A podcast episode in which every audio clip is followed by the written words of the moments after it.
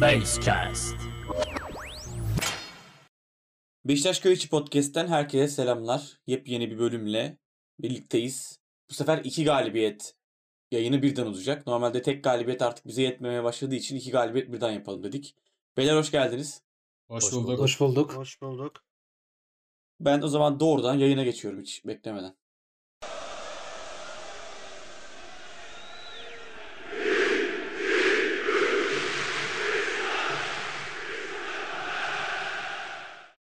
Üst üste iki Başakşehir galibiyeti birden aldık.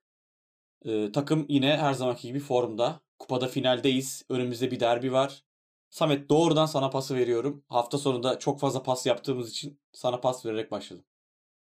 Evet, Başakşehir kupa maçı bizim için çok önemli. Çünkü artık finale son bir adım kalmıştı. Ve rakibimizi e, ligde de yenmiştik. O şekilde karşılaşmaya başladık. Yani ben zaten e, açıkçası çok zorlanacağımızı düşünmüyordum maçta. Ki zaten ilk yarıda öyle başladı. Takım gayet e, güzel başladı maça. Gollerimizi bulduk. 2-0 öne geçtik. Maça çok iyi başladık. Fakat e, birazcık da Abubakar'ın sakatlanmasıyla birlikte ve takımın birazcık e, maçı rolantiye almasıyla birlikte ikinci yarı bambaşka bir senaryo oldu. E, roller değişti. Bu sefer Başakşehir bize baskı yapmaya başladı. Gollerini buldu. E, maalesef maç uzadı ama sonuç olarak e, finale çıkan taraf biz olduk. Mutluyuz. Takım oyundan çok düştü ya. Senin de dediğin gibi orta bence orta sahadan dolayı oldu ama hemen orta sahaya geçmeden bir iyi kısımlarını konuşmak istiyorum ben maçın. Ömer, Larin süper bir gol atıp finali getirdi bize. Bu üçlüyle ilgili ön taraftaki Larin Abubakar Gezzal bir istatistiğin olduğunu biliyorum. Bahsetmek ister misin biraz? Tabii ki. Ee, Larin e, diğerlerinden artı olarak Larin'in kupa maçı performansı da var. 3 golü var kupada. Ee, ayrıca Avrupa'da da kısa süre kaldık ama bir golü var. Ee, 4 gol buradan. Ee, ligde de 14 gol 4 asist. 18 gol 4 asiste ulaştı Larin. Ee, yani bu Beşiktaş'tan 3. forvet olarak gitmiş bir oyuncu. Öyle düşünmemiz lazım ama şu anda ligin gerçekten en iyi hücum oyuncularından biri. Ee, Abu Bakar'a geçiyoruz. Ee, 16 gol 5 asisti var. Ee, o da zaten gol krallığını oynuyor. Büyük ihtimalle de gol kralı olacak. Bu Penza düştü şu an, şu an formdan çünkü. Gezal'da 1 gol 12 asisti var. Ee, ligde Fenerbahçe ve Galatasaray'ın hücum oyuncularının toplamından daha çok gol katkısı aldık bu üçlüden. Ee, böyle bir farkımız var. Ee, çok iyiler. Her e, dinlenmemelerine rağmen, çok fazla dinlenememelerine rağmen çok iyiler. Cenk Tosun henüz e, varlığını hissettiremedi bize sakatlıktan dolayı. O da derbi maçında geri dönecek. Ama bu üçlü gerçekten Beşiktaş'ı şampiyonluğa taşımak üzere olan bir üçlü. Gezal asist kralı, Abubakar gol kralı. Bu şekilde devam ediyoruz. Ee, ve önceki sezonlara göre, önceki sezon Beşiktaş'ın fo- forvet hattı sadece 14 golde kalmıştı. Ee, şu anda sadece Larin ve Abubakar ikisi e, 30 gole yaklaştılar. Böyle olunca zaten şampiyonluğun emarelerini almış oluyoruz. E, hücum hattında hiçbir problemimiz yok. Üstelik Cenk şu anda e, rotasyona girememesine rağmen. Evet ya Cenk Gökhan Töre'de çok sürekli sakatlanıyor ki Gökhan Töre'den de verim aldığımız dönem oldu sezonda. Hani ben bu seneki performansından hiç memnun olmasam da. Neyse yani Larin'in Larin'le ilgili bir iki bir şey daha ben ekleyeyim hatta topu Şahin'e atmadan. Ha, bu adamın yani buradaki beşli dahil hiç kimse sezon başında süre almasını bile istemiyordu muhtemelen. Hani Tabii. taraftarın tamamı istemiyordu. Ve yani öyle bir noktaya geldi ki artık ve sürekli de kızılıyor, ediliyor. İşte bazen biz şaka yollu yazıyoruz. Bazen şey oluyor vesaire. İşte bileyim ben mesela santrfor olarak yeterli olmadığından bahsediyorum. Çünkü Abubakar seviyeyi çok yukarı çekiyor Beşiktaş'ta. Hani Larin onun oynadığını oynayamıyor ama bir şekilde golü atıp der finali getirmeyi başardı bize. Şahin sana da Abubakar'la geçeceğim. Müthiş bir gol attı Abubakar. Yani gerçekten televizyonda izleyen hepimizi çalımlamıştır yine o pozisyonda. Bir de sakatlandı diye bayağı korktuk. Buradan alıp topu devam et. Ya şöyle ben devam etmek istiyorum aslında. Ee, Ömer çok güzel özetledi. Ligin e, bütün performans olarak, istatistiksel olarak Beşiktaş çok önde. İşte asist kralı bizde. Ligin gol kralı muhtemelen bizden çıkacak. Yani Larin veya Abubakar hangisi olursa fark etmiyor. ligin kralı da Sergen Hoca olacak muhtemelen bence. Evet. İnşallah e, diye umuyoruz. Abu Bakar'ın golünü e, muhtemelen bütün Türkiye çalım yedi orada ya. Hani herkes vuracak diye beklerken sola çekip bir de e, normalde orada bazı forvetler yani Türkiye'deki e, normal klasman forvetleri o şutta yani topa abanıyor. Abu Bakar göstere göstere kalecinin kapattığı köşeden plaseyle gol attı. Zayıf ayağıyla. Hani geçen hafta uzaktan e, ayak içiyle e, aynı tarafta vurmuştu. Uzaktan direkten dışarı çıkmıştı. Evet. Bu sefer golü yaptı. Yani onun Bir biraz de- da intikamını aldı. Attığı çalım da yani dedin ya işte hani herkes vurmasını bekliyordu. Aslında var ya bence herkes çalım atacağına emindi ama son ana kadar topa vurdu sandı herkes ya. Ben cidden vurdu sandım abi. Atacağına o kadar eminim ki çalımı. Ha dedim ya topu aldı soluna çekecek bir şekilde bitirecek pozisyonu hani gol ya da değil. Ama yani gerçekten Abubakar'ın- vurdu diye düşündüm ya. Ya Abu şöyle Bakar'ın de en şey büyük var. özelliği de şu. e, Bir lafını gireceğim burada bir Tabii, cümle tabii. ek yapacağım. Ee, Abu Bakar aslında kendi içinde o pozisyonda nasıl bir yol izleyeceğine karar veriyor ama dışarı bunu çok yansıtmıyor. Mesela forvetler şut çekeceğini çok belli eder. Defans ona göre şekil alır. Abu Bakar bunu hiç belli etmiyor. Dediğin gibi sola çekeceğini biliyoruz ama vurabilir. Biz Evet. bile ikilemdeyiz her maçını izleyen insanlar olarak ama bu da çok üstün bir özellik. Yani bu cüsseye, bu e, teknik nasıl sığdırılmış? Yani mümkün değil. Çok muhteşem bir üst klasman forvete sahibiz ve e, Porto şu an o teknik ekibi ne yapıyordur valla belli değil. Yani ben olsam çok e, kızmıştım Porto taraftarı olsam. Çünkü Abubakar'a Kızıyorlar bakıyorsun. zaten. E, Abubakar'a bakıyorsun abi üst düzey bir performans gösteriyor. Yemin ederim Abubakar Başakşehir maçında yere düşerken yani bir içim cız etti. Evet ya. Herkes o an timeline'a baktım Twitter'da Abubakar Abubakar falan ben bir şey mi kaçırdım acaba hani daha mı kötü bir düştü diye Cenazeye düşündüm. döndü ya timeline'da. Vallahi bile yani Ya ben o an o ölmek an istedim. saldık ya. dolayı. O an saldı bütün herkes saldı. Eminim bütün Beşiktaşlılar Abubakar'dan daha çok acı çekmiştir. Ama neyse ki hani aldığı dirsek darbesi sonucu bu acı olmuştu. Şu an Fenerbahçe maçına e, hazırlanıyor. Bugün e, Fenerbahçe taraftarları biraz e, sakatlığını beklerken onu gördükleri zaman ne hissettiklerini ben e, hissetmek dahi istemiyorum diyeyim öyle size devredeyim. Ya Abu bir de bir de o pozisyonda e, Abu Bakar'ın dizine çok fazla yük bindi. E, öyle bir problem oldu. Yani dizinin üstüne tam düşüp ondan sonra yere düşünce ben herhalde dizi gitti dedim. Çünkü dizinde bir arıza olduğu zaten açık ama kasları çok kuvvetli olduğu için çok etkilenmediğini biliyoruz. Buradan Orada da çok tekrar korkuttu. maşallah diyelim. Maşallah, Maşallah. diyelim. Evet yani 17'lik delikanlı denen Falcao'dan iki maç iki kat fazla maça çıktı. İnşallah sezon sonuna kadar bütün maçlara da çıkar.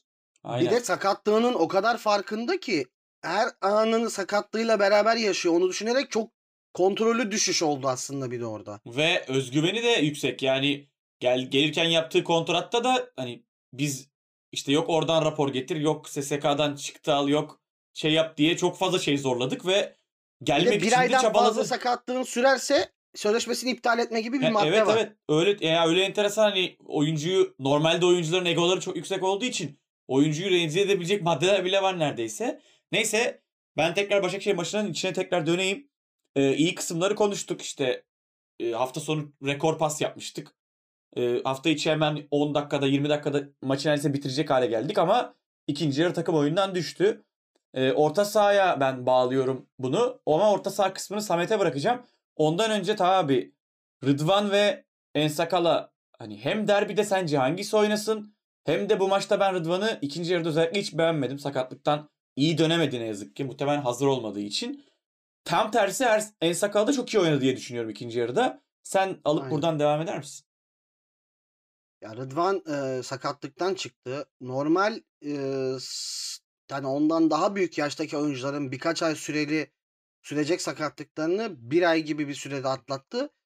E, yaşı itibariyle de e, maça oynamaya, kendini ispat etmeye çok aç bir oyuncu. E, tamam daha hani e, fizik kondisyonu da daha oturmadığı için e, sakatlıktan çıktığından dolayı e, o kontrolünü Evet. de tecrübesizliğinden dolayı sağlayamadı. İlk yarıda çok yıprattı kendini. Enerjiyi kontrollü sağlamış olsaydı ikinci yarıda da çok düşmezdi ama çok delici, dikine gitme falan bunları çok denedi. Çok da iyi yaptığı yerler oldu. İkinci yarıda da tabii ki güç bitince istediğin kadar iyi futbolcu ol. Ee, ayaklar gitmiyorsa, baldırlar izin vermiyorsa oynayamıyorsun. Bir şekilde performansın düşüyor. Takımın Ya da bir de- oyundan düşmesi etkiledi yani. E, tabii ki tabii ki tabii ki. Ya ilk yarıyı özellikle e, ilk yarıdaki üstün performansında şöyle bir parantez açayım. Hani ben daha önce de çok söyledim. Rıdvan orta sahada şey e, sol bekten ziyade top bizdeyken hücumdayken orta sahada pas alternatifi topa basan oyuncu alternatifi olarak çok iyi bir görev görüyordu Rozier ile beraber. İlk yarıda bunu çok iyi yaptı. Joseph ilk yarıda daha öndeydi mesela e, ataklarımızda. E, sonra Rıdvan oyundan düştü. Ensakala girdi oyuna. Normalde Ensakala oynarken Rıdvan sakatken biz dua ediyorduk Rıdvan geri gelsin diye. E, bu sefer de Rıdvan ikinci yarı bocaladı. Düştü oyundan. Ensakala girdi. Ensakala çok iyi oynamaya başladı. E, böyle bir ikilemde kaldık ama bunlar tatlı telaşlarımız tabii. İnşallah Ensakala bu performansıyla e, kupa maçında e, sonradan girdiği şekilde devam eder de e, sol bekte iki tane eşit düzeyde alternatifimiz, alternatifimiz olmuş olur. Ama şimdi bir önceki maça bakıyorum. e, lig maçına. Orada da çok rahatlıkla elimizi kolumuzu sallaya sallaya kazanacağımız maçı Evet. Ensakala'nın bariz Ensakala hatalarıyla yedirdiği iki gol var. E, hani güvenemiyorsun bu oyuncuya bir şekilde. Evet o yüzden dedim Ben- zaten şaşırtıcı şekilde hani iyi oynadı ikinci yarıda diye. Yani Tabii tabii. beklentim Ya bir de düşük şu çünkü var. çok. Ensakala 11 başlayacak deniliyor. E, kupa maçında da muhtemel 11'leri gördük. E, bir tane tutturan muhabir olmadı. Ben görmedim mesela. Çoğu e, farklı farklı kadrolar yazmıştı. E, Montero'yu hepsi ilk 11'de gösteriyordu mesela. Montero oyununda yoktu. Ben gene Rıdvan'ın oynayacağını düşünüyorum. Bir 60'a kadar falan. Ondan sonra skoru da alırsak Ensakala girer diye düşünüyorum. Çünkü ilk maçtan e, Rıdvan gerçekten Fenerbahçe maçının yıldızlarından biriydi. Aynı kanadında oynayan e, oyuncular 3 defa değişti. Pelkas'ı sildi attı ve oyundan çıktı. Hani Fenerbahçe'nin yıldızı Pelkas. Evet. E, bu kadar. Buradan topu Samet sana gönderiyorum tekrar. Ee, ben kupadaki ikinci yarıdaki düşüşün orta sahada özellikle Dorukhan'ın kötü performansından dolayı olduğunu düşünüyorum açıkçası. Belki de hani hocanın tercihlerinden de alakalı işte 3 dosa dönmesi işte Atiba girip Oğuzhan çıkması falan. Hani bunlardan da bahsedilebilir ama hani sen ne demek istersin? Ya burada bence en göze batan isim Dorukhan. Çünkü Başakşehir maçının orta sahamıza baktığımızda Josef, Dorukhan, Oğuzhan orta sahası vardı. Oğuzhan tarafından baktığımızda zaten Ziraat Kupası'nda Oğuzhan'ın oynadığımız 4 maçın sadece birisinde gol ve hatta e, asist katkısı yapmamış. Diğer maçlarda gol ve asist katkısı yapmış bir Oğuzhan görüyoruz. Yani burada Oğuzhan zaten Başakşehir maçında da asistini yaptı. Yani Oğuzhan'ın aslında iyi bir seviyede olduğunu görebiliyoruz burada. Hani lig için hani ilk 11'e yazılır mı Oğuzhan? Orası belki tartışılır. Fakat e, Ziraat Kupası için Oğuzhan çok güzel e, bir performans sergiledi Ziraat Kupası boyunca. Burada Dorukhan tam tersi e, yani Dorukhan'ın ben herhangi bir olumlu bir hareketini ben göremiyorum. Yani e, taraftarımız görüyor mu bilmiyorum ama ben ortada sadece koşan yani e, pres yapmaya çalışan ben bir oyuncu görüyorum. Yani Doruk, Dorukan kariyerinin başında e, Beşiktaş'tayken e, çok azimli ve istekli bir oyun sergiledi ama e, sonrasında çok fazla yani özellikle sözleşmesinin bittiği bu sezonda e, çok fazla dışarıya odaklandı. O da futbolunu ciddi anlamda düşürdü bence. Ya, Evet, Evet, o biz- ben- bize hiç gelmeyen bir şey o ya. Biz bizim taraftarımızı çok irite eden bir tavır oluyor. Evet evet ben zaten şimdi Ömer'in dediği noktaya gelecektim. Hani Dorukhan'ın bize geldiği ilk sezon yanlış hatırlamıyorsam 3 gol 4 asistlik bir performansı vardı ilk senesinde.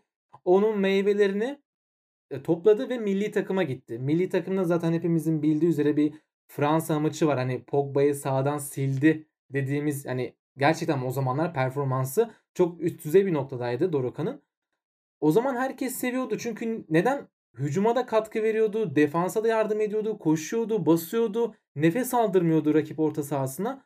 Ama şu ana bakıyoruz. Yani hücumda zaten o Dorukhan'ı göremiyoruz. Ha bu belki Sergen Hoca'nın bir taktiği olabilir. Hani belki Sergen Hoca Dorukhan'a hani sen ileriye gitme geride kal diyordur. Onu biz bilemeyiz fakat hani e, Dorukhan'da çok büyük bir soru işareti var. Özellikle bu sözleşme konusu az önce sizin bahsettiğiniz gibi hani bu tür şeyler artık e, Beşiktaş taraftarı böyle şeyleri tahammül edemiyor. Yani biz sözleşme teklif ediyoruz. Tabii ne kadar teklif edildiğini biz bilmiyoruz fakat sözleşme teklif edildiğini biliyoruz. Dorukhan ısrarla sözleşme imzalamıyor ve bu sezon sonunda sözleşmesinin bittiğini biliyoruz. Göndermeli bir şeyler atıyor falan. Yani gerek Ya yok yani hiç. oralara hiç girmiyorum. Çünkü oralar yani Beşiktaş'tayız biz ya. Yani Beşiktaş kulübünde sen Türkiye'nin en büyük kulübündesin. Yani böyle e, Mevlana'nın sayfalarından böyle Instagram'da falan hikaye atmalar ya bunlar e, ne kulübe ne taraftara hiç kimseye faydası yok. Yani sadece kendisine zarar veriyor Dorukhan. Hani bunun ne kadar farkında bilmiyoruz. Ama e, çok büyük bir soru işareti. Hani maça tekrardan geri geleceğim. İkinci Şöyle bir araya gireyim ben Dorukan konusunda Samet rica ediyorum senden. Pogba'yı bitiren Dorukan dedin ya. Aklıma şu geldi o anda. Pogba'yı bitiren Dorukan'ın aldığı maaş Başakşehir'in orta sahasındaki oyuncu vardı. Yusuf Endiyaşmiye. Üçüncü, dördüncü sınıf bir oyuncu. Yusuf'un bitirdiği, Endiyaşmiye'nin bitirdiği Dorukan bu kupa maçında ve şu anki Pogba'yı bitirdiği haldeki maaşından 3-4 katı fazlasını istiyor. Yani Dorukan'ın aslında kendinin gerçeğini görmediği nokta bu. Tıkandığı nokta Ya bu. belli bir maaş beklentisi içerisinde olabilir. Hani bu çok normal. Her oyuncu hani belli bir maaş beklentisi içerisinde olabilir ama hani bizim de kulübün Beşiktaş kulübünün menfaatleri var. Yani biz bizim bütçemiz belli. Biz sana bunu teklif ediyoruz. Ha, kabul ediyorsan edersin yolumuza devam ederiz. Etmiyor musun? Sen bilirsin yolumuzu ayırırız ama yani bu hani sözleşme konusu çok hani bir girdap. O yüzden hani e, oralara çok girmek istemiyorum ben. Ee, oyuna döndüğümüzde zaten ikinci yarı düşmemizin sebebi hani orta sahamız artı bence e, Abubakar'ın sakatlanması.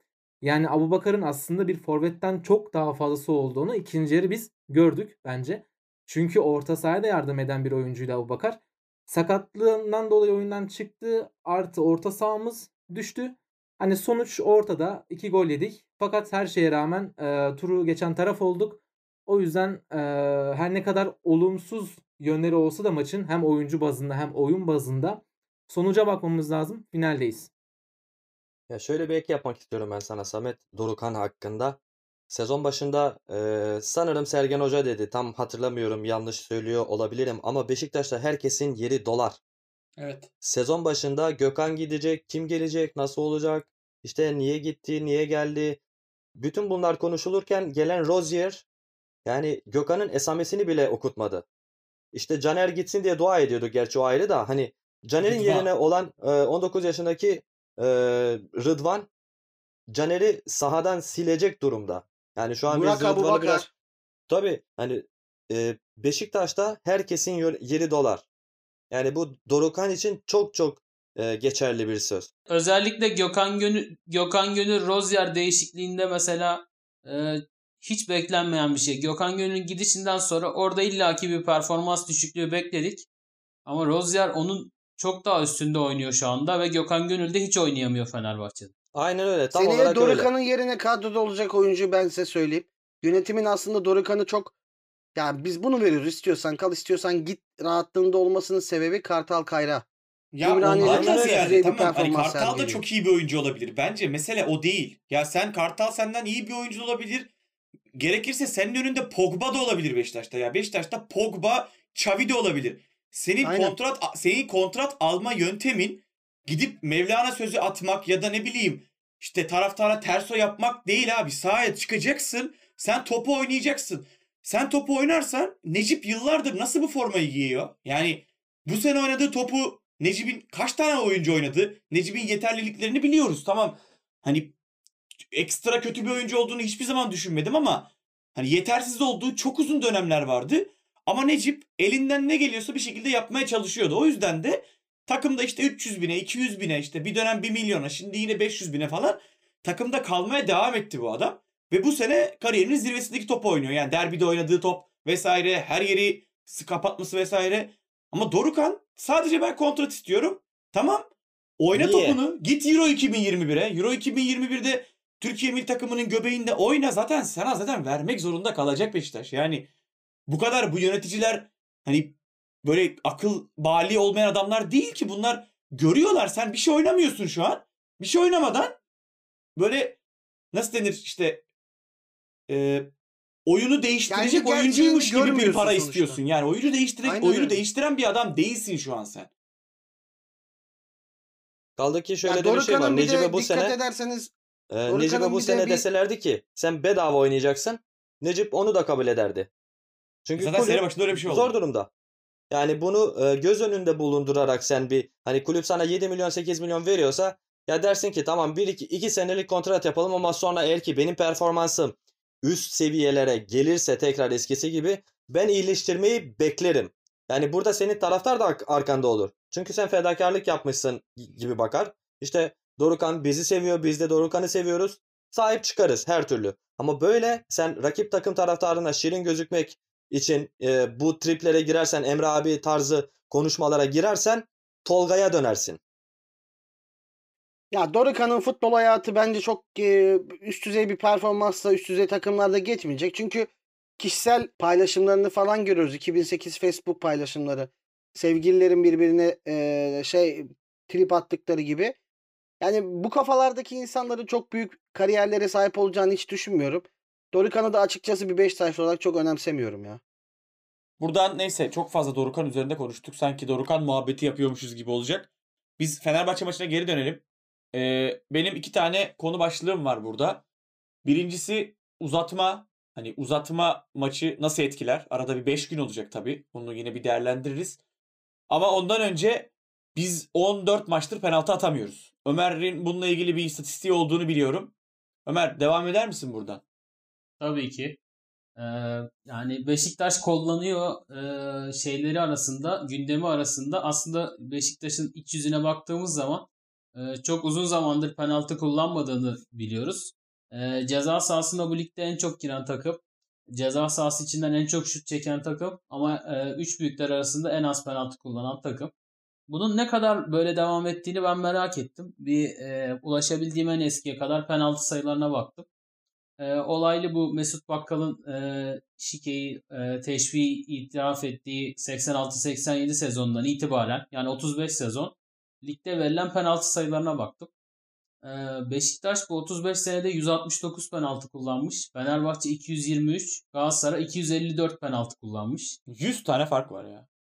Yani sezonda e, 7 penaltı atıldığını düşünürsek ortalama bir takım için 100 penaltı fark Beşiktaş'la Galatasaray arasında çok anormal. Ki bu Galatasaray'ın e, 18 penaltı attığı sezon da var bunun içinde. Yani bir sezonda 18 penaltı artık e, Arif Erdem'in 14 gol attığı, 14 penaltı golü attığı sezon. Tek bir hakemin bir sezon içinde 5 penaltı çaldığı takım Galatasaray. 90'larda gene. Doğrudur evet. Yani bu kadar bu fark zaten bu sezon da ortaya çıkıyor. Ee, işte son maçımızda Başakşehir maçında Larin'in bileğine basılması penaltı verilmedi. Berabereydi skor orada. Ondan önce Wellington'un e, çekilmesi var Konya maçında. Yine penaltı yine verilmedi. Ee, şimdi derbi hakemi Halil Umut Meler e, sezon başında Antalya Spor maçında kaleye giden topa elinin uzatılmasına penaltı vermeyen hakem. Beşiktaş'ın penaltısı bir türlü verilmiyor. Bakalım e, değişeceğini sanmıyorum ama biz penaltı verilmeyen penaltının üzerine 3 gol atmayı iyi beceren bir takımız. Umudumuz bu ama artık adaletinde gelmesi lazım bu ligi. Tabi sence uzatma derbiye etkiler mi? Ya e, şöyle maç salı günüydü. E, Cuma veya cumartesi günü olsaydı etkileme ihtimali vardı da spor bilimcilerinin söylediği bir e, önemli detay var bu konuda. E, bir futbolcu yüksek performans verdiği maçtan sonra 90 dakika baz alınıyor tabii. E, üçüncü günün akşamından itibaren yeni bir maça tekrar vücut hazır hale geliyor. E, bizim önümüzde de salı gününden itibaren 5 günlük bir süreç oluşacaktı. E, takım bir günü de izinli geçirdi yanlış hatırlamıyorsam. E, daha doğrusu böyle bir ısınma antrenmanları falan yaptılar oynayan oyuncular. Ben e, aslında yani bu maçın hiçbir şekilde e, Fenerbahçe maçına yansıyacağını olumsuz anlamda düşünmüyorum. Aslında şöyle bir şey var. Başakşehir maçın ikinci yarısından itibaren oynadığımız futbol Fenerbahçe maçına kafaların gitmesinden sebepti. Yüksek olasılıkta bir de skor da alınmıştı 2-0'dı. Ben hatta Fenerbahçe maçının Başakşehir maçının gidişatını etkilediğini düşünüyorum. Evet. Ee, bu uzatma süresinin 120 dakikanın falan e, Fenerbahçe maçına yansıyacağını çok düşünmüyorum. E, artı olarak çok büyük yansımaları olacak. Finale kaldın. Başakşehir'i iki defa peş peşe yendin. bir kupaya bir kupanın artık bir ucundan tuttun, diğerinde de Rakibin rakibin son hafta kaybetti. Rakibin son hafta kaybetti. Yani Beşiktaş çok rahat olacak bu maçta. Fizik kondisyon açısından da bir yansıması olacağını hiç düşünmüyorum. Ya ben çok sıkıntılı bir maç bekliyorum. Fener bizden daha diri olabilir. Ama hani bu maç ne kadar hani uzaması tabii ki kötü etkiler yani ama hani çok ekstrem etkiler mi ben de emin değilim. Şahin sence nasıl bir kurgu olur derbide? Yani baskılı mı oynarız yoksa dediğim gibi işte hani Fenerbahçe biraz daha diri olduğu için Fenerbahçe artık hani sürekli saldırmak zorunda olduğu için çünkü teorik olarak 8 puan gerimizdeler yani. Biz eksik maçımızı kazandığımız durumda. Ve ikili avarajda geri oldukları için 3 maça çıkmış oluyor fark aslında Fenerbahçe bizi yenemezse. İşte 9 puan gibi sayacağımız için. Ee, buyur sen buradan devam et. Şöyle söyleyeyim. Sergen Hoca şimdi Fenerbahçe'yi analiz etmeye çalışsa neyi analiz edecek? Adam Erol Bulut'un herhangi bir taktiği yok. Muhtemelen maçın ilk 10-15 dakikası böyle bir Fenerbahçe ne oynuyor gibi bir tartma ile olabilir. O esnada bir sürpriz gol bulursak inşallah buluruz. Çok güzel olur bizim adımıza. Çünkü onları biraz direncini de kırmış oluruz. İşte inançlarını da kırmış oluruz. Ancak e, ilk yarıda ben çok fazla e, Beşiktaş'ın saldıracağını, işte önde basacağını çok düşünmüyorum. Çünkü Fenerbahçe biraz top verilince ne yapacağını pek bilmeyen bir takım. Artık geriye kapanmaktan kontra e, takımına dönüştüler. E, ellerinde Osay Samuel gibi bir hızlı adam var. Bizim işte sol kanadı e, zorlayabilir mi? Pek emin değilim. E, orayı beslemeleri lazım. Beşiktaş orayı kapatabilecek bir orta sahaya ve e, takıma sahip.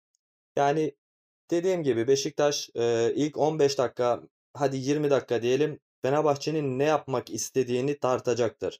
Sergen Hoca ona göre bir aksiyon alacağını düşünüyorum. Ben de hani tabii ki Fenerbahçe'nin oyununa göre bir şey yapacağımızı düşünüyorum ama tam olarak sana katılamayacağım. Şöyle ki hani Fenerbahçe'nin oynayabileceği tek bir oyun var bence. O da topu ayağına aldığında oynayabileceği bir oyun. Çünkü hani takım çok büyük eforlu oynayamıyor Fenerbahçe'de. İşte fiziksel olarak da çok şey değiller bence. Hani biz biraz daha eforlu oynuyoruz onlara göre. Topu vermememiz gerekiyor bence ama Ömer devam etsin şu an. Ne demek istersin? Ya bir kere benim en sevmediğim derbi ortamı oluştu şu anda. Çünkü çok favoriyiz. Evet. Yani e, bu kadar favori olmak yani hatta Fenerbahçelilerin objektif olanları bile bizi yenin de bitsin bu çile kafasına geldi. Ee, artık yani bu şekilde bu kadar favori olmak derbilerde geri teper. Ee, o yüzden ben çok tepki, temkinli yaklaşıyorum bu maça. Takımın da bir kere kendine güveni var. Son hafta kaybetmiş bir Fenerbahçe. Ee, ve Beşiktaş'a kaybederse %90 ihtimalle hocası gönderilecek bir Fenerbahçe var. Ee, bu açıdan ben kolay bir maç beklemiyorum. Ama son maçta e, Fenerbahçe'nin çok fazla kontra karşılamada çok problem yaşadığını gördüm. Gençler Birliği maçına Gençler Birliği takımına karşı hiçbir kontrayı savunmayı beceremediler. Bunu Sergen Hoca mutlaka fark etmiştir. Sergen Hoca zaten rakibe göre oyun oynamayı seven bir hoca. Beşiktaş'ın çok etkili kontra ataklarla Fenerbahçe'yi çok zorlayacağını düşünüyorum. Öncelikle Pelkas'a bir savunucu, savunma için bir tedbir alınacaktır, kilitlenecektir. Muhtemelen Wellington yine önde oynayıp e, Pelkas'a bir önlem alacaktır. Pelkas inşallah sol kanatta oynar ya. Pelkas'ı kanatta oynatır. Beşiktaş deplasmanında zayıf bir orta sahayla çıkmak istemezler. 3 dostla falan çıkarlar muhtemelen. 10 numarada Pelkas oynatırsa çok büyük sorun yaşayabiliriz. yani. Evet yani Erol Hoca Erol Hoca çok enteresan yani gerçekten gördüğüm e, büyük takımlarda gördüğüm en kötü yönetimlerden birini sergiliyor. Yani Pelkas ortaya çekildiği zaman çok iyi oynuyor.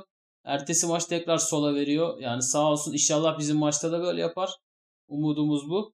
E, ama ben Beşiktaş'ın e, zor kazanacağını düşünüyorum. Kazanacağız ama zor olacak diye düşünüyorum. Çünkü, çünkü şunun bir etkisi var. Ee, eğer Beşiktaş kazanırsa Fenerbahçe yarıştan düşer. Fenerbahçe yarıştan düşerse Fenerbahçe taraftarı artık e, maçları izlemek istemez. Bu da futbol kamuoyunda kimsenin isteyeceği bir şey değil. Maalesef böyle yönetiliyor Türkiye'de futbol. Yani Fenerbahçeliler de oyunun içinde kalsın isteyeceklerdir. Ee, beraberliğe bağlamak için bence çok uğraşacaklar. Ama ben bir farkla veya iki farkla kazanacağımızı düşünüyorum. Samet senin derbi beklentin ne? Bir de Ömer söyleyince sormayı unuttuğumu fark ettim. Bu maçı yani biz kazanabiliriz. Kazanacağız inşallah. Bunun üzerinden konuşuyoruz hep ama kaybet kaybedersek ne kaybederiz, berabere kalırsak ne kaybeder ne kazanırız. Bundan da bahsedersen iyi olur. Tamam ben senin ikinci sorundan başlayayım o zaman.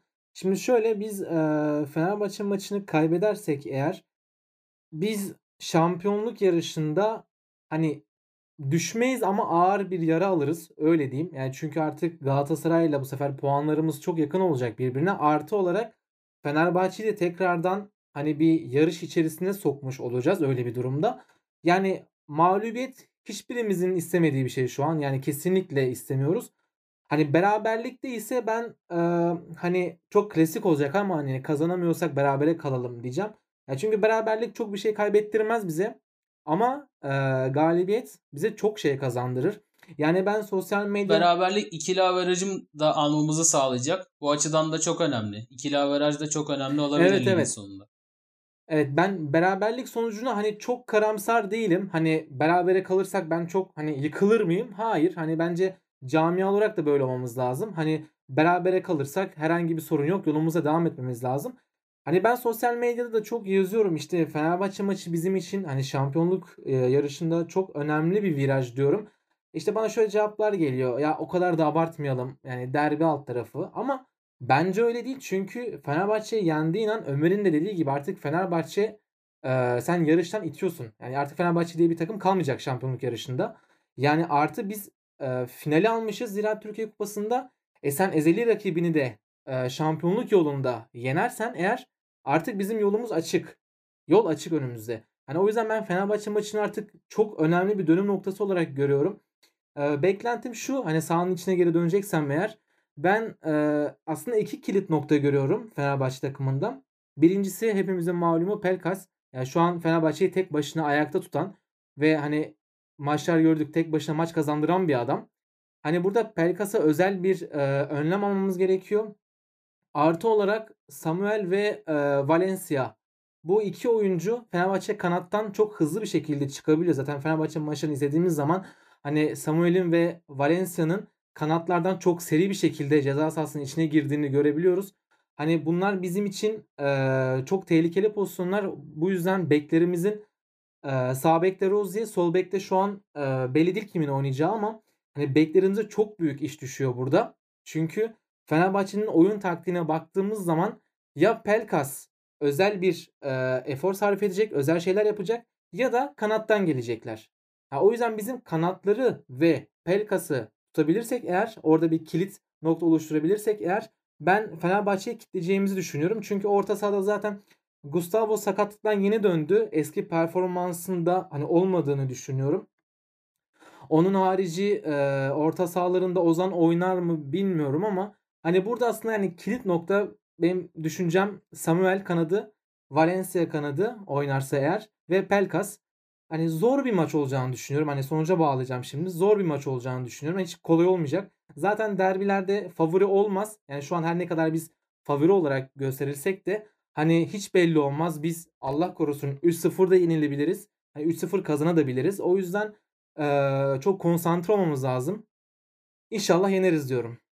Ta abi senin beklentin nedir bu maçtan? Bir de sen skor ver artık burada. Skora kadar geldik. Vereyim. Vereyim skoru da. Ya ben e, genelin aksine bu maç tabii ki derbi olduğu için büyük ihtimalli bir maç ama e, benim hiç unutmadığım e, kafamın köşesinde kalan hep bir e, o beni bu maçlarda daha rahatlatan bir durum var. Sergen Hoca tam bir derbi winner'ı. E, bir de hafta başında e, bu haftayı özellikle işaret etti. Başakşehir iki maç Başakşehir ve Fenerbahçe maçının olduğu haftayı. Ee, iki Başakşehir maçını atlattık. Çok zorlanmadık. Ee, oyunun içinde belli başlı dakikalar harici. Ee, ben takımın bütün odağının Fenerbahçe maçına fokuslandığını düşünüyorum. Ee, biz e, Beşiktaş bu sene çok başka bir futbol oynuyor. Ee, Fenerbahçe'yi de görüyoruz. Sergen Hoca'nın bu maça takımın da hocanın da çok başka hazırlandığını düşünüyorum. Ee, ben böyle çok zorlanacağımız, aman aman diyeceğimiz veya işte az önce Samet'in dediği gibi 3-0 mağlubiyet, beraberlik bizim için iyi olabilir kazanmak kazanamıyorsak falan. E ben bu ihtimallerin çok yaşanacağını hiç düşünmüyorum. E, beraberliğe oynatacak bir hakem olayı olabilir falan dedi ama bizi bu sene çok önümüzü kesmeye çalıştılar. Her maç bunu farklı farklı pozisyonlarla penaltı olsun, kırmızı kart olsun, rakiplere verilen eee, saçma sapan pozisyonlar olsun. Bunu biz çok yaşadık ama biz bu sene bir şekilde hakemi de yeniyoruz. Çünkü oyun kalitemiz çok üst düzeyde ve takım eee, birbiri için oynuyor. Herkes önündekinin, sağındakinin, solundakinin yardımına koşuyor falan. Pelkas orta sahada oynarsa da bir şey değişmeyecek. Şu ana kadar oynadığı maçlardaki performansının eee, bir sebebi de henüz Josef'le karşılaşmamış olması. 10 numara pozisyonuyla alakalı konuşuyorum. E, kanatta oynarsa da zaten ilk maçta eee, Rıdvan'ın nasıl yiyip bitirdiğini biliyoruz. Ya ben eee, bu maçın şöyle söyleyeyim erken gelen gollü Galatasaray maçı gibi geçeceğini düşünüyorum. Böyle son 20 dakikayı özellikle lay lay lom şeklinde geçireceğiz. İki farklı galibiyet olursa da. Ya çünkü ben takımıma ve hocama çok güveniyorum bu maçla alakalı. Yani bu sezon boyunca da en rahat olduğum 4-5 maçtan biri diyebilirim. Ee, sizden farklı düşünüyorum bu konuda. Ee, bu maç e, tamam dönemeç bütün maçlar aslında e, sezonun en önemli maçı artık bu saatten sonra. E, biz kaybedersek de onu da yorumlayayım kısaca. Kaybedersek de sadece ikili averajın e, kısmi bir iki farklıdan daha fazla bir şey yaparsak e, mağlubiyet alırsak sadece ikili averajı yitirmiş olacağız. Bizim çok büyük bir kaybımız olmayacak. Ama Fenerbahçe kaybederse bitirecek e, şampiyonluk. Yani sezonu bitirmiş olacak Fenerbahçe. E, Fenerbahçe bu sezon hiçbir zaman bu tarz önemli dönemeçlerden sağ çıkamadı. E, nasıl bu şekilde geldiğini de biliyoruz puantaj olarak.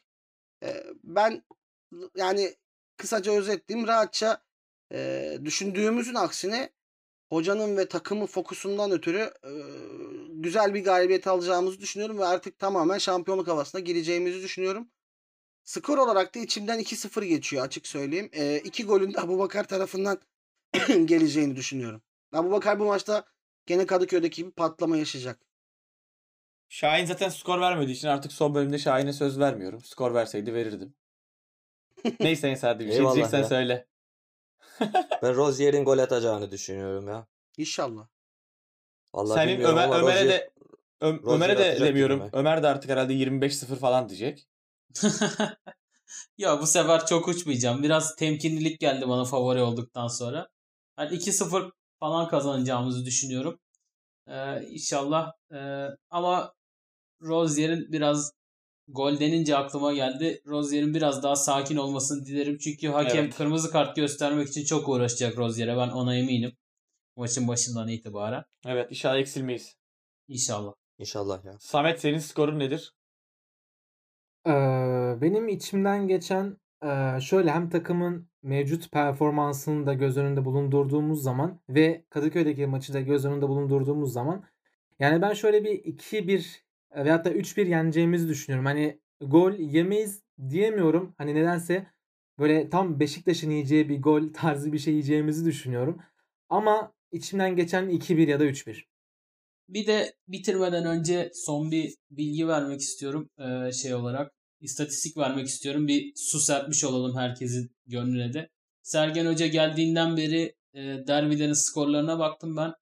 E, bir daha hatırlamak için. E, Galatasaray deplasmanında 0-0 var. E, ve Galatasaray'ın iyi olduğu bir dönem ve Beşiktaş'ın Ve şampiyonluktan çok eden maç Galatasaray'ı. şampiyonluktan eden başladı Galatasaray'ı. Ee, Fenerbahçe'yi 2-0 yendik iç sahada. Fenerbahçe'yi deplasmanda 4-3 bu sezon yendik. Galatasaray'ı iç sahada 2-0 yendik. Ee, yani İstanbul derbisi Sergen Hoca kolay kolay kaybetmiyor. İnşallah yine kaybetmeyeceğiz. Bunun üzerine ek de bir şey söyleyelim. Bu Başakşehir'i bu sene 3 kere yendik. Normalde yenemiyoruz Yani ama şey. Normalde Şamp- yenemiyorduk. 16-17 sezonunda 20 dakikada 3-0 geriye düştüğümüz Başakşehir yani. Hani öyle düşünmek lazım. Eklemek istediğiniz bir şeyler var mı? Benim yok. O zaman ekleyecek bir şey yoksa Fenerbahçe maçından sonra herkese görüşmek üzere diyorum. Hoşça kalın. Galibiyet maçından sonra. Görüşürüz. Hoşça kalın. Basecast.